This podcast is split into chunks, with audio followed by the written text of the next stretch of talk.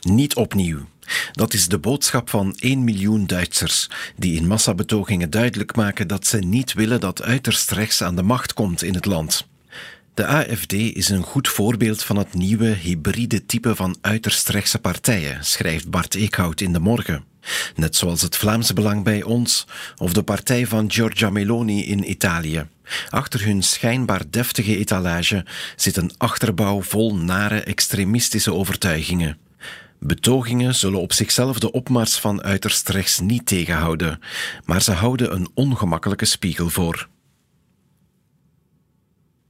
De windturbines draaien op volle toeren. In enkele landen werd de elektriciteitsprijs negatief en ook gas is opnieuw goedkoper. De voorspellingen dat Europa deze winter met een tekort aan energie zou worden geconfronteerd, zijn niet bewaarheid geworden. De Russische chantage om Europa te straffen voor zijn steun aan Oekraïne is verrassend vlug bedwongen, vindt Stefan Michielsen in de tijd. Europa toonde zich weerbaar. En daarom daalt de energiefactuur voor bedrijven en gezinnen. Dat moet de inflatie doen afkoelen. Toch zou het een gemiste kans zijn dat we minder zuinig met energie gaan omspringen, al was het maar voor het klimaat. Een op de drie Belgen bestempelt zichzelf als heel eenzaam. In het nieuwsblad vindt Peter Meilemans de overheidscampagne tegen eenzaamheid dan ook nodig, om het thema op zijn minst bespreekbaar te maken. Maar de goed bedoelde tips die de campagne aanreikt, zullen de mensen die heel eenzaam zijn niet helpen. Het gaat om mensen die half of helemaal niet functioneren, die individuele hulp nodig hebben. Alleen zijn de wachttijden voor hulp zo lang en is therapie duur. Wie geestelijke gezondheidszorg ernstig neemt, moet die drempels maar eens wegwerken. Therapie zou geen luxe mogen zijn. Nikki Haley is nog de enige echte tegenkandidaat tegen Trump in de Republikeinse voorverkiezingen voor het Amerikaans presidentschap. Als ze vandaag in New Hampshire geen redelijke score haalt, dan is het over en uit. In het Belang van Limburg schrijft Liliana Casagrande dat partijvoorzitters bij ons naar eigen smaak en goeddunken ministers aanstellen of witte konijnen lanceren. In de VS hebben de kiezers meer inspraak, maar de keerzijde is dat een populist als Trump een partij kan kapen.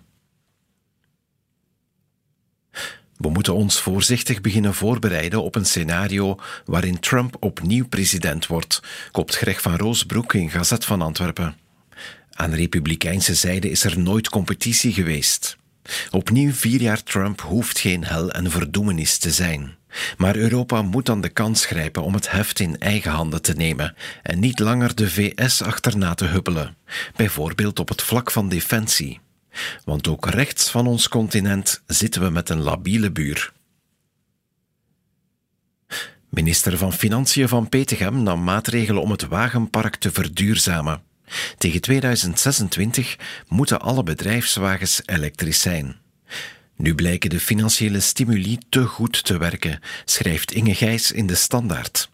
Van Petegem wringt zich nu in bochten om er toch maar voor te zorgen dat wie nog met een bedrijfswagen op fossiele brandstof rijdt, geen extra belastingen moet betalen. Het is te gek voor woorden dat de federale ministers hier hun tijd in steken.